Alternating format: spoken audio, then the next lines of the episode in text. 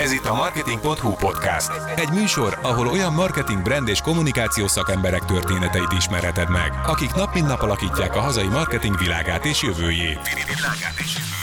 Az adások során őszintén mesélnek szakmáról, karrierjük csúcspontjairól és huppanóikról, magánéletükről, a múlt tapasztalatairól, és persze a jövőt befolyásoló trendekről. Maradj velünk, és ismerd meg a legsikeresebb hazai kampányok és szakemberek mögötti valós történeteket. A műsort vezeti Sándorfi Adrián, a Brocasters alapítója. Kedves hallgatóink, ez itt a Marketing.hu podcastje, ahol utána eredünk a marketing trendeknek olyan szakemberekkel, akik nap mint nap alakítják a marketing világát. Mai vendégem Horváth Magyari Volcs Nóra, kommunikációs ügyvezető igazgató a KNH csoporttól, aki harmadik lett a 2021-ben a legsikeresebb magyar marketing döntéshozók listáján, de erről is fogom kérdezni, üdvözöllek Nóra. Szervusz, illetve szervusztok, kedves hallgatók! Mit jelent számodra az, hogy a szakma által is elismert marketing döntéshozóként tartanak számon, rajta vagy ezen a presztízs értékű toplistán? sokat jelent. Sokat jelent, mert ez azt jelenti, hogy egy olyan csapatot tudok vezetni, és van rá lehetőségem, hogy vezessem, akik fantasztikus eredményeket tesznek le az asztalra, és nem csak úgynevezett békeidőben teszik le a csodálatos eredményeket az asztalra, hanem, ha nem is háborús, de hát egy pandémiás időben, egy egészségügyi válsághelyzetben, amikor otthonról kell dolgozni, amikor a csapatban több olyan kolléga van, akinek kisgyermeke van, és rá is kell figyelni, és mindezek ellenére végigvittek egy médiatendert, ami nem egy kis feladat, végigvittek egy kreatív ügynökségi tendert, ami szintén nem egy kis feladat, bevezettek egy vadonatúj kreatív platformot, ami azt gondolom, hogy úttörő, innovatív és meghatározó jelen pillanatban a magyar pénzügyi piacon, sőt már látunk egy-két kísérletet annak utánzására is. Szóval, hogy iszonyú nagy büszkeség egy ilyen díj, és akkora öröm, hogy egy ilyen fantasztikus csapattal tudom ezt megcsinálni, és hogy mellettem állnak, mögöttem állnak, és viszik, viszik az zászlót, hogy klassz legyen a pénzügyi kommunikáció ebben az országban. Tehát a csapatodnak köszönheted valójában, úgy, úgy is gondolod? Egyértelmű. Egyértelmű. Egy vezető önmagában hát saját magát vezesse. És kiáll a sziklára, és kiáltja a szót, és próbál motiválni, de hogyha nincs ott az a sok dolgos kéz, és az a sok okos elme, aki ezt mind meg is tudja valósítani, és akik az ötleteket hozzák, akkor a cél önmagában, amit egy vezető megfogalmaz, az pusztába kiáltott szó marad. 19 éve vagy a KNH csoport marketing vezetője, marketing igazgatója. Én nem láttam még erre példát egyébként így a magyar piacon, hogy valaki ilyen sokáig ebben a pozícióban ennyire magas szinten meg tud maradni. Köszönöd egyrészt a csapatodnak is, de szerinted neked mik azok a tulajdonságaid, készségeid, ami lehetővé teszi azt, hogy ilyen sokáig csúcson maradj, és egy cégnél? Nem tudom, ezen nem gondolkodtam. A kérdés úgy szokott sokszor elhangozni, hogy mi az, ami ott tart? Na, erre tudom a választ. Okay. Ami igazán ott tart, az a munkának a változatossága. Kívülről a pénzügyi szektor, legyünk milyen őszinték, unalmasnak tűnik. És akkor, amikor az ember belekerül, akkor jön rá, hogy mennyi rengeteg izgalmas dolog van. Ez alatt a 19 év alatt nekem a hatodik vezérigazgatóm van, akinek közvetlenül riportolok, mind a hat különböző stílus volt. Ugye ehhez alkalmazkodni, felvenni azt a stílust, azt a tempót, megfelelni az ő szája ízének a kommunikációban, és ne felejtsük el, én ugye a belső kommunikációért is felelek, felelek azért is, hogy a vezérigazgató hogyan szól a 4000 munkatárshoz például. Tehát, hogy ilyen szempontból is felvenni azt, hogy ő hogyan szeret megszólalni, mennyire dinamikus, mennyire inkább visszafogott, mennyire szeret szerepelni, mennyire nem szeret szerepelni, a sajtóhoz hogy viszonyul, stb. Ez már magában egy nagyon izgalmas feladat. De hát ne felejtsük el, amikor én oda mentem, akkor volt ugye a KNH akkor vásárolta meg az ABN AMRO Magyarországi érdekeltségét, és akkor két pénzintézetnek az összeolvadásáról volt szó, ami hatalmas feladat volt. Majd rá egy évre kitört az úgynevezett broker gate ügy. 2003, ugye? Így van, ez az úgynevezett kulcsárügy. Hát én az előző munkahelyemen a Coca-Cola-nál több válságkommunikációban benne voltam, vagy krízis kommunikációban, na azok azért nagyon mások voltak. Nem ehhez voltál szakva, igen. Hát igen, annak is meg volt az izgalma különben, mert ugye ott az emberek egészségéről volt szó, több fenyegetés volt, hogy megmérgezik a coca ez meg az, meg hát amerikai cég, és akkor antrax, botrány és fenyegetés, stb. De ez más volt. Itt a bankban az embereknek a pénzéről van szó, mm. az egzisztenciális létükről. Hát úgy valahogy a kettő azt hiszem egymás után van nagyon gyorsan, hogyha a Maslowi hierarchia piramis néz. Tehát a, a broker ügy jött. Akkor éppen, hogy kezdtünk egy fél év múlva, hogy magunkhoz térni, a broker ügyből jött a, az átmárkázása a KNH-nak, ami egyrésztről életében először a pénzintézet kapott egy márka pozícionálást, másrésztről egy teljes biztosítót kellett a KNH névre átforgatnunk. Ez is egy hatalmas munka volt. Na akkor éppen úgy kezdtek csitulni a dolgok, konszolidálódott az ügy, majd nem sokra rá megérkezett ugye a 2008-9-es válság, az a pénzügyi válság, a devizalakáshiteles válság Magyarországon, amit különben megjegyzem előtte még 2006-ban egy magyar ennyi kis gazdasági válság megelőzött, szóval a kettő együttes hatását kellett itthon kezelni, erre emlékszünk elég jól. Voltak olyan parlamenti választások, amit épp erre alapozott az egyik párt, és aztán nyerte is meg a választásokat, és a bankok renoméját próbálta teljes mértékben felhasználni a saját céljaira. Akkor jöttünk éppen ki ebből a 2008-9-es válságból, megérkezett a digitalizáció, és mindannyian azt gondoljuk, hogy a digitalizáció az ugye a Google-ról szól, meg a Facebookról szól, meg az Amazonról szól, hát kérem szépen ugyanígy szól a banki világról is, sőt. Sőt, a fintech cégek úgy szaporodnak, hogy hihetetlen ütemben, hihetetlen innováció van ezen a területen, és nagyon nagy lesz a választási lehetősége a felhasználóknak arra, hogy hova teszik a pénzüket egyrésztről, de én inkább azt mondanám, hogy minden szolgáltatóval kapcsolatban, és így a pénzügyi szolgáltatónkkal kapcsolatban is megváltoznak az elvárásaink.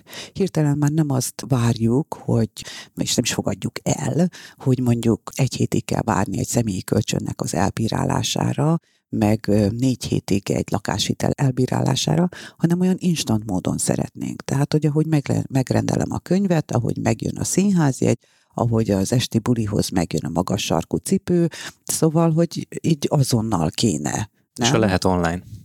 Hát ez nem kérdés, hogy bemenni nem szeretnék, hogyha nem muszáj, ugye? Igen. Na azért, aki pénzintézetnél dolgozik, azt tudja, hogy több száz párhuzamos rendszerrel, IT rendszerrel dolgozik egy pénzintézet, és különben a digitalizáció már réges-régen elkezdődött a pénzintézeteknél. Gondoljunk csak, az egyetlen, hisz egyetlen egy termék van a pénzintézetnél, aminek van fizikai formája, ez a bankkártya. De ez is csak egy jelképes dolog szinte, mert a mágnes csík az, aminek ott lényege van, illetve ugye később maga a chip, de minden más termék az elektronikus és digitális. Az összes átutalás, az összes beszedési megbízás, az össze, maga a pénz. Valójában már, hogy ez egy, akár egy IT cégként is mondható hát, egy, ne? egy, hát, egy bank. Hát hogy ne kérem szépen, hogy ne? Igen. És az, mivel egy szolgáltató cég, igaz, hogy van több mint 200 egységünk és ügyfélpontunk, vagy régi nevén bankfiókunk, de ott a kollégák számítógép mögött ülnek és digitális rendszerekkel dolgoznak. És amit leginkább próbálunk hosszú évtizedek óta elérni, hogy ne készpénzt használjanak az emberek, hisz az a legdrágább a gazdaságnak, hanem használják az elektronikus pénzt, a számlapénzt. Tehát a digitalizáció a bankoknál sokkal-sokkal korábban elkezdődött, de tény is való, hogy a mostani nagy digitalizációs roham az új elvárásokat támaszt a bankokkal szemben is, és hát bizony ezeknek meg kell felelni, fel kell tudni venni a kesztyűt, föl kell gyorsulni, de nagyon még visszatér. Szóval, bocsánat, igen, ott tartottunk, hogy miért vagyok évnél. én 19 év, vagy hogy vagyok ki. Úgyhogy jött a digitalizáció, és amikor ebben úgy szépen nagy lendülettel elindultunk, akkor meg megérkezett a pandémia. Szóval egész őszintén van, ez a 19 év, ez úgy tett el, mint egy szempillantás az én számomra, mert hogy mindig volt valami, amit láttam előre, hogy két-három éven belül mi az, ami izgalmas, és tudod, mi az érdekes? Most is látom. Mi ez? Ne, ne csigázz. Ezt már több helyen elmondtam. Szerintem a következő éveknek egy nagyon izgalmas területe lesz a fenntarthatóság, azon belül is a környezetvédelem témaköre. Ugye régóta, vagy hát jó pár éve beszélgetünk már a klímaváltozásról. Na most jött el az a történelmi pillanat, hogy vagy átállítjuk a világgazdaságot, vagy pedig csak emlékezni fogunk még egy rövid ideig arra, hogy milyen jó is volt a Földön élni. Aztán a Föld visszaveszi az uralmat a bolygó felett, a természet visszaveszi, és mi, mint faj, elkezdünk szépen elolvadni és eltűnni az, hogy a gazdaságot át tudjuk állítani egy olyan formátumra, ami fenntarthatóvá teszi a környezetet, megóvja azt a környezetet, amiben mi, mint emberi faj tudunk létezni, ez egy óriási feladat, és rájött tulajdonképp ugye Európa, amelyik élen jár ebben, az európai vezetők, hogy sokkal könnyebb 40 bankot megregulázni, hogy hova helyezhetnek ki hitelt, és hova helyezhetik ki a betéteket, semmint több millió, tíz millió céget megregulázni, hogy milyen szabályok szerint gyárthatnak. Neked, mint marketinges vagy a kommunikációért felelős igazgató egy banknál, milyen felelősséged lehet abban, hogy részt vegyél a bank szempontjából fenntarthatóság üzenetének terjesztésében és a tényleges lépések előre mozdításában? Óriási. Már csak azért is, mert megmondom őszintén, a bankban, amellett, hogy vannak szakterületek, ugye van egy vezetői kör, van egy vezérkar, és utána van egy szélesebb szakértői vezetői kör, és ha mi úgy dolgozunk, hogy mindenki csak a saját szakterületére figyel, akkor silókban dolgozunk, és akkor nagyon nehezen fogunk tudni előre menni. Ennek a felső vezetői körnek feladata és felelőssége, hogy holisztikusan lássa a pénzintézetet, és ő maga lássa meg, hogy hol tud a többi területnek segíteni.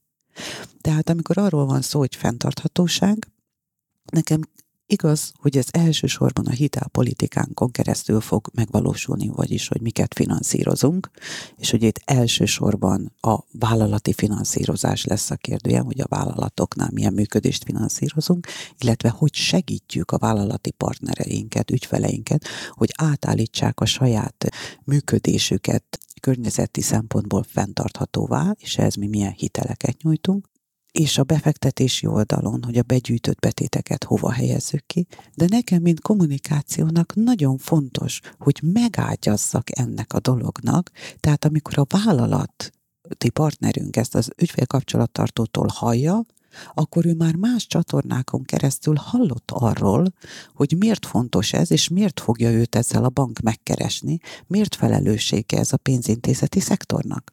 Ezt pedig nekem kell hozzá eljuttatni. Ugyanígy, hogyha kifejlesztünk mondjuk a lakosságnak, mert hogy kifejlesztünk zöld hitelt, valakinek el kell mondani a lakosságnak, hogy van ilyen, és miért jó ez, és persze, hogy kedvezményes, és milyen kedvezmények vannak, de magát a koncepciót, vagy amikor arról beszélgetünk, hogy társadalmilag felelős befektetések a lakosság felé, ugye a Kántál az öko befektetési alappal, az első volt a magyar piacon, aki ezt elkezdte hosszú évekkel ezelőtt, de hát ez egy nagyon pici volumen volt. Most kezd olyan határozottabb méreteket ölteni, és az úgynevezett eseri, tehát fenntartatósági befektetési alapjaink most már az új befektetéseknek a 40%-át teszik ki. Ez, ez, ez rengeteg. Ez rengeteg, de ez az kell, hogy az ügyfelek értsék, hogy mi ez. Meg és miért jó? létrejöjjenek olyan vállalkozások, akikbe érdemes fektetni, vagy érdemes hitelezni őket, és szerintem ilyen értelemben a bankok az innováció motorjai tudnak lenni, hogyha tőled kommunikációs szinten éveken át súlykolva azt hallják a vállalkozók, hogy érdemes olyan fenntartatóságra épülő, vagy a fenntartatóságot előre mozdító vállalkozásokba kezdeni, amiket még pénzügyileg is finanszíroz egy bank, vagy támogat, vagy befektet egy startupban, akkor bátrabban fognak ebbe beleállni és hogy az információ átadás is szerintem nagyon fontos, hogy hogyan tegyék ezt. És valójában én azt gondolom, hogy talán a marketingnek vagy a kommunikációnak itt is megjelenhet a felelőssége. Abszolút. Ugye a kommunikációnak a feladata egyrésztről, hogy az értékesítés segítse, elmondani, hogy mi, milyen termék kapható, és milyen áron kapható, most így leegyszerűsítve. A másik oldalon pedig az úgynevezett issue management, tehát, hogy megágyazok, a piacot elkezdem kiépíteni egy adott terméknek. És sokszor ez a felvilágosító munka, ez, ez talán még fontosabb, mint a konkrét terméknek az értékesítése, de ugyanígy, amit korábban, még itt a podcast előtti beszélgetésünk során említettél, a pénzügyi tudatosság. Ez ugyanolyan tulajdonképp piac megágyazó tevékenység, hogy mennyire fontos az, hogy tudják az ügyfelek, hogy ma már nem az a veszély, hogy a bankfiókba bejön egy bankrabló. Már bocsánat, hogy azt mondom, tehát az már a total loser kategória, nem? Már nem is olvassuk az újságban, már a Blik se hoz ilyet, már nincs. Tehát hogy az már annyira szerencsétlen, aki most jön be a bankba bankot rabolni. Nem. Ma ugye a kiberbiztonság és a, és a phishing levelek, és ez a terület az, ami a digitalizált bankrablás lett, vagy a digitalizált pénzlopás lett az ügyfelektől, és hát természetesen a pénzintézeket is komoly támadás alá veszik ezek a bűnözők. De itt is mennyire fontos azt megtanítani az ügyfeleknek, hogy ahogy évtizedeken keresztül térten állva könyörögtünk, hogy ne írjuk rá a PIN kódot a bank a bankkártya hátoldalára. Most ugyanígy térten állva könyörgünk, és próbáljuk elmondani, hogy ne tessék ráklikkelni a levélben lévő linkre, és ne tessék megadni a bankszámlaszámot, és ne tessék megadni a mobilbanki belépési azonosítót, mert mi ilyet, mint bank, sosem kérünk. És ugye a bűnözők pedig mindig próbálnak előttünk járni egy lépéssel, és pont olyan felületet kreálni, mint a banknak, a elbank felülete, stb. stb. Ez egy nagy terület, és akkor itt belemehetünk a biometrikus azonosításba, hogy ez lehet az alternatívája ennek, de igazából ez nem erre vagyok kíváncsi most, hanem sőt, még egy kicsit visszatekerném ez a 19 évhez, mert itt most az, itt most az újdonságokról, meg az adaptációs képességedről beszéltünk, de arról nem beszéltünk, hogy mi az, ami állandó ebben a 20 évben. És hogyha kifejezetten marketing és kommunikáció szintjén nézzük, szerinted mi az, ami így kiállta az időpróbáját? Marketing szempontból, hogyha az elmúlt 20 évet vesszük? Hát ha a saját karrieremet nézem, vagy a banknak a kommunikációját nézem ebben a közel 20 évben, akkor azt mondanám, hogy a következetesség. Sokszor szokták azt mondani rám, ja Istenem, és van egy ilyen rossz renomém a piacon, hogy mert én egy ilyen nagyon kemény ember vagyok, aki nagyon nehezen változtatja meg a véleményét, és aki, tehát szóval Hát ahhoz képest a marketing toplistákon azért előkelő helyekre kerül, szóval én a szakma az... azért szeret úgy valahogy másik oldalról is. Én azt gondolom, hogy igen, én ezt megtanultam, van egy alapbeállítottságom is, de egy remek iskolába jártam, hogy a Coca-Cola-nál az évek során megtanultam, hogy a stratégia az mit is jelent, hogy a stratégia azt jelenti, hogy választok valamit, és ennél még fontosabb, hogy az összes többit nem választom. És itt mennek sokszor félre a kollégák, amikor kitalálja a stratégiát, elkezdi bevezetni, aztán elcsábul sok kis érdekes dologra. Talán és azért... szétesik a dolog, leesik az úgynevezett stratégiai lóról. Nagyon nehéz nemet mondani minden más csili-vili, divatos, trendi dologra. De hát, ha egyszer stratégiát választottam, akkor pont az a lényeg, hogy semmi más nem csinálok, csak azt, ami a stratégiám, és ez a fajta következetesség aztán egyszer csak meghálálja magát, és megmutatja az eredményeit, de nem olyan könnyű betartani. Egy kicsit olyan, mint a gyereknevelés. Gondolom a hallgatók között vannak olyanok, akik ne kicsi gyerekük van, vagy Például akár tínézser. Na hát, ugye, hogy mi, tehát ami, ami előtt megszületik, az ember tele van elvekkel, hogy majd mit csinál, meg mit nem csinál. Ugye? Pontosan. Na, és amikor ott a helyzet, hát akkor nagyon nehéz következetesnek lenni.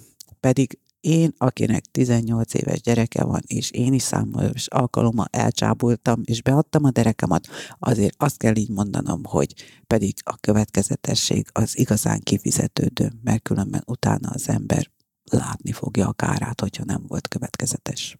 Ez egy érdekes kihívás, hogy egyszerre legyünk következetesek a marketingben, meg a kommunikációnkban, és egyszerre beszéljünk az újdonságokról, meg a trendekről is és adaptáljuk őket. Hogyne, hogyne. Igen. Tehát legyünk rugalmasak is, legyünk nyitottak. Na hát ez, ez, ezek a szép dolgok, amikor az egyensúlyt meg kell találni. És hogyha mondjuk a fenntartatóságról beszélünk, akkor ott aztán végképp nagyon nagy jelentősége lesz a következetességnek, mert azt szintén nem lehet csak már üzenetekben, meg kommunikációs üzenetekben, meg reklámszóró anyagokon hirdetni, hanem ez a következő évtizedekre vagy évszázadokra vonatkozó feladat lesz, úgyhogy ha valahol van következetességre való igény, akkor szerintem az ez a terület. Nagyon-nagyon köszönöm, amit mondtál bízunk benne, hogy ez valóban a következő évszázadokra szól, mert az azt jelenti, hogy sikeresek vagyunk akkor ebben a tevékenységben. És amit mondasz, az nagyon fontos. A greenwashingot el kell kerülni. Én nagyon-nagyon óva intek minden kollégát attól, hogy most beleugorjon a környezetvédelmi kommunikációba, anélkül, hogy a háttérben ott van egy kőkemény tárja annak, hogy mi az, amit valóban csinál ezen a területen. Tehát ez a, ugye, amit szoktunk mondani, a reason to believe, hogy az ott van, és le tudja tenni az asztalra. Bocsánatot kérek, én pont azt mondtam múltkor az egyik társintézetünknek, hogy a faültetés és az erdőkialakítás ma már kezd olyan lenni a kommunikációban, mint régen volt az óvodakerítés festés. Tehát ma mindenki fát ültet.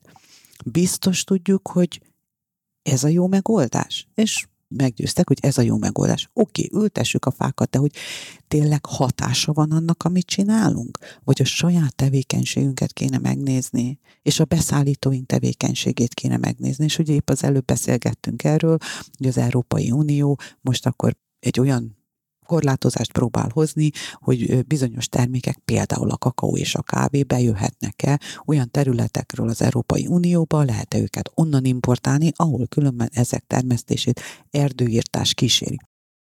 Tehát a greenwashingot kérem elkerülni, és a kommunikáció ne csináljon a környezetvédelemből óvodai kerítésfestés témát, hanem legyen mögötte valós tevékenység. Na és arról kommunikáljunk. Maradj velünk, hiszen a történetnek itt még nincs vége. Mi üdvözlünk minden versenytársi tevékenységet, mert ez minket sarkal arra, hogy sokkal jobbak legyünk és fejlődjünk. Ugye a lead management gyakorlatilag, de ez egy nagyon nehéz terület. És én azt gondolom, hogy még sehol nem tartunk benne. Csak álomból nem lehet sikeres vállalkozást csinálni. Kellenek hozzá az üzleti principiumok is rengeteg olyan szereplő lép be a banki, pénzügyi piacra, akik kihívást jelentenek akár a bankoknak és a tradicionális bankoknak, hogy hogyan lehet a pénzhez viszonyulni, vagy milyen szolgáltatásokat kell nyújtani. És akkor ott van még akár csak a magyar piacot nézve is több szolgáltató, több bank, aki versenyez egymással. Beszéljünk egy kicsit a pozicionálásról, hogy mi lehet az, ami, ami nálatok bevált, mi az, amit ti következetesség elvén folyamatosan követtek, és hogyan tudtak ebben az óriási zajban, ebben a nagyon kompetitív helyzetben önállóak és egyediek maradni pozicionálás szempontból? Ugye a mi pozicionálásunk az arról szól, hogy egy dinamikus, fiatalos, energikus, ellenben nagy, megbízható pénzintézet, aki a mindenkori ügyféligényeknek megfelelő szolgáltatásokat nyújt, sok alternatívát teszünk le az asztalra, és kedves ügyfél, tanácsot adunk ahhoz, hogy ezekből te a valóban neked megfelelőt választ, okosan dönts. Zanzásítva ez a mi pozícionálásunk. Valóban nagyon sok fintek és neobank megjelent. Azért több dolog van itt, ami árnyalja a képet. Egyrészt nagyon jó, hogy megjelentek. Mi üdvözlünk minden versenytársi tevékenységet, mert ez minket sarkal arra, hogy sokkal jobbak legyünk és fejlődjünk. És ne lustuljunk el, és ne engedjük, hogy a múlt dicsőségének a babérjain ücsörögjünk. Másrésztről azt is látni kell, hogy ezek a neobankok és fintekek általában egy szolgáltatásra specializálódnak általában pénzforgalmi tevékenységet, tranzakcionális tevékenységre specializálódnak. Például a hitelnyújtás az nincs ott, vagy a befektetési tevékenység nincs ott. Arról meg ne is beszéljünk, ugye, hogy biztosítási tevékenység, amit mi szintén nyújtunk, vagy értékpapírszámlakezelés és a tőzsdei tranzakciók. Tehát, hogy általában egy termékes vállalkozások, és sokszor van az, hogy ezek aztán felvásárlásra kerülnek egy nagyobb cég által, és integrálódik az ő máskülönben nagyon jó megoldások Sokszor egy bankba. Egy bankba. Azt is látni kell, hogy ugye azt szoktuk mondani, hogy egy új házat felépíteni bizonyos időbe telik, de relatív könnyű. Na, egy műemlékvédelmi házat felújítani a 21. századnak megfelelő elvárásoknak és szabályozásoknak, na az már nem olyan egyszerű. Például a mi IT rendszerünkre azt mondták múltkor a belga kollégák, hogy hát olyan, mint a spagetti. És hát az lenne a szép, hogyha olyan lenne, mint a lazanya. Úgyhogy a mi célunk most egy köztes állapot. Úgy hívjuk, hogy ravioli. Szerintem itt most az IT stratégia szempontból sokan fejükhöz kapnak, hogy hogy is csináljunk raviolit a spagettiból. Ugye? Ugye nem egyszerű? Ugye nem egyszerű? Miközben egy neobank és fintek ott tart, hogy lazanya. Na majd amikor a hiteltermékek és befektetési termékek is oda kerülnek, akkor hirtelen el, meg eltelik 10-15 év, elkezd ez a lazanya valahogy olyan spagetti válni. Igen, egy új mindig ilyen, de, de ez nem baj. Attól az még verseny, attól az még ott van, attól még azt nem szabad nekünk lenézni. Hanem tanulni kell tőlük.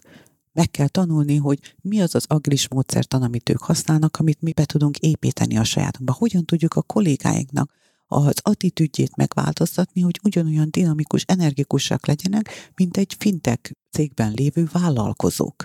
Ugye? Hogy inspirálódjunk tőlük. És hát azért azt is látni kell, hogy amit meg meg kell tanulni a fintekeknek és a neobankoknak tőlünk, hogy érdemes rentábilisnak lenni, mert a kockázati tőkebefektetés egy idő múlva elmarad, Igen. Ugye, elapad, hogyha nincs ott a megtérülés. Plusz ott van még az, hogy ők valójában elérhetők-e, hogy nyújtanak-e supportot, ügyfélszolgálati tevékenységet, van-e valahol egy olyan jogorvoslati forma, ahol hogyha hirtelen zárolják a pénzüket, akkor így kopogtathatnak a felhasználók. Ez Vagy az, hogyha ami... tönkre mennek, ugye ne felejtsük el, a Magyarországon bejegyzett bankokban az ügyfelek pénzét 100 ezer euróig szabatolt és garantált. Egy neobankban vagy egy fintekben nem feltétlenül attól függ, hogy milyen jog alá esnek, de a hitelintézeti törvény itthon nem, a HPT nem vonatkozik rájuk. Erre mondtuk régen, hogy az apróbetűs jogi szöveg, tehát kérem szépen tessék azt is elolvasni, és nem a végén meglepődni, de én nem szeretnék semmi rosszat mondani rájuk, mert mi örülünk annak, hogy ők vannak, minket sarkalnak egy sokkal jobb teljesítményre, és így tudtuk megcsinálni, hogy ma már nem három hét egy személy, vagy egy hét egy személyi kölcsönnek az elbírálása, hanem írt és mond öt perc és a mobilbankban meg tudod csinálni. És ők sarkaltak minket arra, hogy ma egy számlanyítás, azhoz nem kell bemenni a bankfiókba és 45 percet ott ülni, hanem 10 perc alatt a mobil telefonon meg lehet csinálni. Ezt mind nekik köszönhetjük. És hát az ügyfelek is nekik köszönhetik. Azt hiszem, hogy minket erre inspiráltak a neobankok és fintekek, és ezért is van az, hogy ha már a termékeinket ők inspirálták, akkor úgy voltunk vele, hogy a kommunikációban is megmutatjuk, hogy bizony ott is inspirálódunk, nem csak a termékeinkben vagyunk innovatívak, hanem a kommunikációnkban is meg tudjuk mutatni, hogy ugyanolyan fiatalosak, dinamikusak, energikusak vagyunk. Erről is szól az új kreatív platformunk, amit idén vezettünk be. Kommunikációs szempontból számodra milyen innováció jelenhet meg, vagy mi az, ami éppen jelen van, vagy a következő időszakban marketing és kommunikáció szempontból releváns tud lenni? Hát egyértelműen az adatalapú kommunikáció, rengeteget beszélünk róla, hogy a lead managementről gyakorlatilag, de ez egy nagyon nehéz terület és én azt gondolom, hogy még sehol nem tartunk benne. most uh, személyre szabott szegmentált kommunikációra is gondolsz? Igen, hát valójában erről szól ugye a lead management, tehát vannak ilyen nagy álmok, hogy mert amikor majd belép az ügyfél, most mondok egy példát a MediaMarktba, és amikor a TV szekcióhoz érkezik, na pont akkor fog megjelenni a mi személyi kölcsönreklámunk az ő mobiltelefonján. Na, ez egy nagyon szép álom, ennek azért van sok buktatója, nem olyan egyszerű ezt megvalósítani. Biztos, hogy el fogunk jutni ide tartok tőle, hogy, vagy néha az a benyomásom, hogy a szakma ezeket már úgy kezeli, mint az már itt lenne ez a világ. Én tíz éve hallgatom ezt, és tíz évvel ezelőtt is voltak olyan szolgáltatók, akik azt mondták, hogy, hogy ez működik, hogy végig sétálok a polcon a mobiltelefonok előtt, és pont azt a reklámot fogom megkapni, ami nekem fontos, és ez személyre szabott lesz, és az ilyen vásárlási historimból fog fakadni, de valahogy én Magyarországon, ahogy járkálok, sőt, egyébként Európában nem nagyon találkozom ezekkel a megoldásokkal, de tény, hogy a koncepció az nagyon jól hangzik. Így van. Még nem tudjuk ezeket. Pedig hidd el, mi a bankban elég sok adaton ülünk, ami az ügyfeleinké. És sok mindent látunk, és sok mindent próbálunk fel is használni. Tehát ez egy óriási nagy feladat, és még nem, nem tartunk ott. De jön. És szépen szalámi taktikával meg fogjuk tudni csinálni, és oda fogunk érni. De a média használatra is vonatkozik ez. Ugye nagyon szegmentálódik a média a digitalizáció révén. Azok a nagy csatornák, amik ma még működnek, én hiszek benne, hogy el fognak aprózódni, és nem fognak már úgy működni a jövőben. De meg fog kelleni találnunk egy olyan módszert, amivel mégis hatékonyan tudjuk ezt a nagyon fragmentálódott média képet kezelni. Tudni, nem lesz nekem ötször annyi kollégám, hogy ezt kezeljük, és nem fog tudni ötször annyit fizetni az ügynökségnek, hogy kezelje. Tehát kell majd valami átfogó marketing management rendszer, amivel a fragmentálódott médiát tudom kezelni, hisz például, mint ez a podcast is, igen, ilyen apró közönségszegmensek lesznek, különböző média fogyasztással, mint amit látunk például a podcast hallgatókban is. Nagyon értékes, de kicsi szegmensekre bomlik. És rendkívül jól célozható, mert önmagában a műsor a legtöbb műsor arra épül, ami nem jellemző amúgy a tömegmédiában, hogy bizonyos níseket, szegmenseket szolgáljon ki tartalmilag, szakértőkkel, információk szintjén. Ilyen értelemben, hogyha ezeket összegerebézzük, tehát sok ilyen kis csatornát találunk, akik a pici kis szegmenseinket megszólítják ugyan kicsi méretben, de összességében le tudunk fedni vele egy, egy nagyobb területet, akkor ha jól értem, akkor nagyjából ez lehet egy hosszú távú stratégia. Igen, igen, de ugye mindegyik ilyen kicsi szegmens más és más kreatívot is fog igényelni. Na most ezt picit, hogyha a banki hasonlatot hoznék, ez olyan, mint a vállalati üzletág kontra a lakossági üzletág. Hogy a vállalati üzletágban nagy dílek vannak. Ez a hagyományos média landscape, ami egy csatornán, most mondjuk ki, tévén vagy rádión keresztül toltam, nem? És akkor az úgy ment és akkor nagy tömegeket értem el. Olyanok a vállalati ügyfelek, egy-egy nagy biznisz. Szemben, amivel jön ez a fragmentált világ, ami a lakossági üzletek, sok kicsi-kicsi ember, de meg kell találnom mindegyiken egy pici tudok bizonyos szolgáltatásokkal kiszolgálom, termékekkel kiszolgálom, és van valamennyi bevétel, ami aztán persze összeadódik, és ez egy jelentős bevételé áll össze, de mégis meg kell találnom klaszterelemzéssel, vagy bármi mással, hogy hogyan tudom hatékonyan kiszolgálni őket. Mert különben többe fog kerülni a kiszolgálás, mint maga a termék. Ezt kell majd megtalálnunk a média területén is, illetve a kreatív területén is. Izgalmas kihívás. Említetted, említetted a vállalkozókat is, és én nagyon kíváncsi vagyok arra, hogy hogyan tanulhatnak tőled, tőletek, vagy akár a bank stratégiájából azok a akár kezdő vállalkozók, vagy sokkal kisebb volumenben működő vállalkozók, vállalkozások, akik szeretnének fejlődni, szeretnének változtatni, szeretnék ellesni ezeket a trükköket. Szerinted le tudjuk hozni egy kicsit a földre azt a magas szintű stratégiát, amit ti nap mint nap alkottok egy másfél milliós ügyfél állományon, tehát hihetetlen méretben, hihetetlen büdzsével, ahhoz képest, amit egy KKV birtokol. Mik, azok a pontok szerinted, amit át lehet venni tőletek? Ugye nekünk van egy inkubátorházunk, ez tulajdonképpen a legnagyobb magyarországi vállalati inkubátorház, a Startitet KNH. Két helyen működünk, Budapesten és Győrben, és most már több mint 75 startupot támogatunk, Ugye mi nem vagyunk kockázati tőkebefektetők, tehát tőlünk tőkebefektetést nem kapnak, viszont minden mást, irodát, tanácsot, mentorálást, stb. stb. És azt látjuk, hogy hála a jó Istennek, mindegyikéjük teljes lelkesedéssel, egy álommal érkezik. És ez alapvetően szükséges a sikeres vállalkozáshoz. Akkor mi az, amit mi adunk? Mi semmi más nem adunk, mint ezt szilárd alapokra helyezzük. Tudnélik, és ezt kell minden KKV-nak megtanulni, kezdővállalkozásnak, és mindegy, hogy startupnak hívjuk, vagy kezdővállalkozásnak, hogy az üzleti tervnek sziklaszilárdnak kell lennie.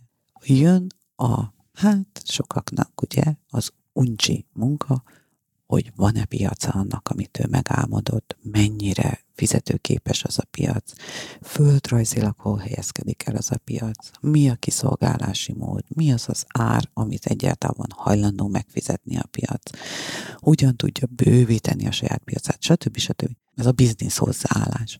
Úgyhogy én azt mondanám a vállalkozóknak, hogy legyen meg az álmok, legyenek ők a legjobb maffinsütők, de komolyan, de utána tessék, és ha nekik megvan a tudás, akkor nagyon következetesen és fegyelmezetten alkalmazni ezt a tudást, vagy valakit erre felvenni, aki üzleti alapokra is tudja helyezni a vállalkozást, különben az lesz, hogy egy-két év múlva az sok-sok befektetett pénz összedől, mint kártyavár, mert csak álomból nem lehet sikeres vállalkozást csinálni. Kellenek hozzá az üzleti principiumok is. És marketing szempontból mondhatjuk azt, hogy KKV-knál is a jövő a szegmentált kommunikáció, amikről az előbb beszélgettünk, vagy van más, amit még esetleg el lehet tanulni tőletek?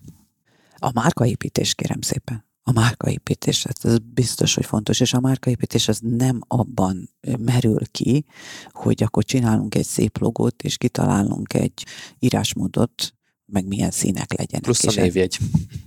Hát de a névjegy már mindenki, egy QR kód bőven elég, nem? Már nekem sincs névjegyem, nekem pedig sincs. milyen nagy cégnél dolgozom.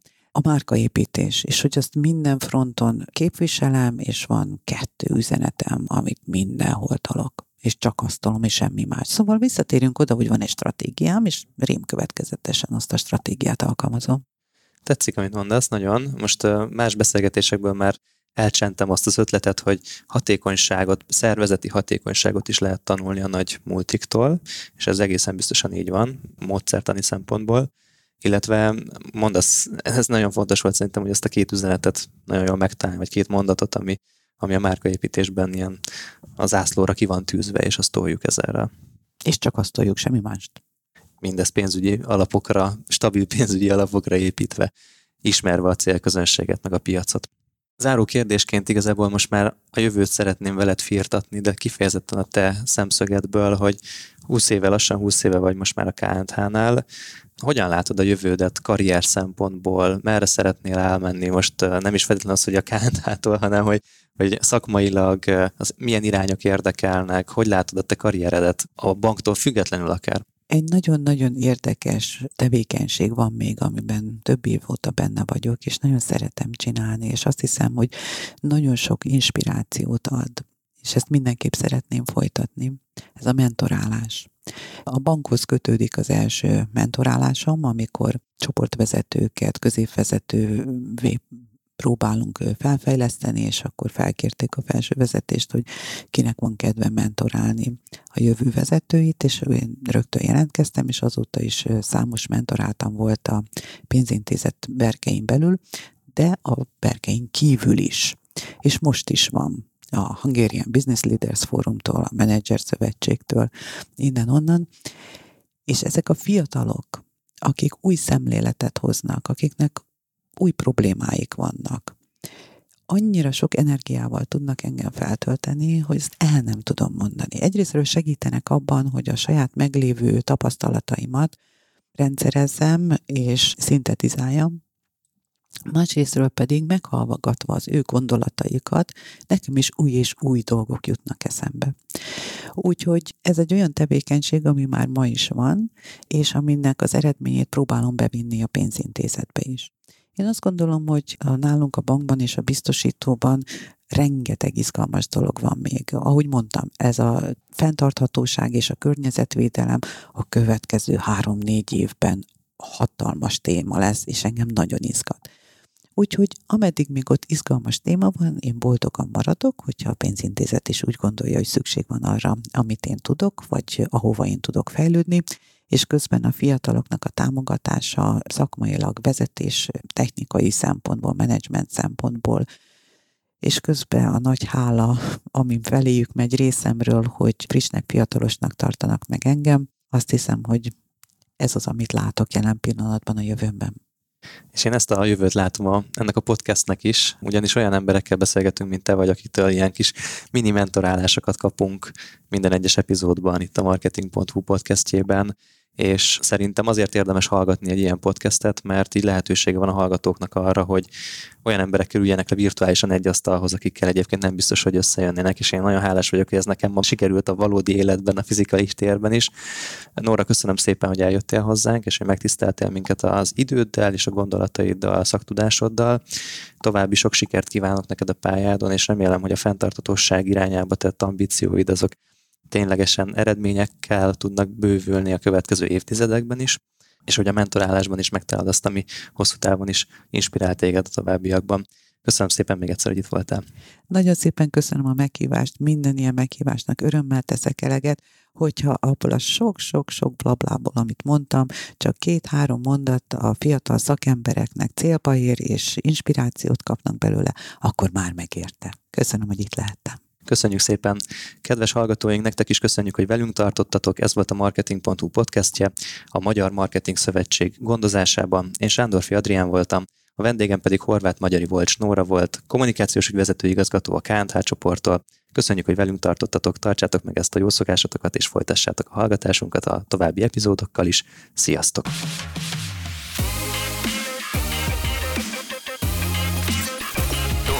További marketing.hu podcast adásokért és más inspiratív tartalmakért látogass el a www.marketing.hu-ra, aminek linkjét a leírásban is megtalálod.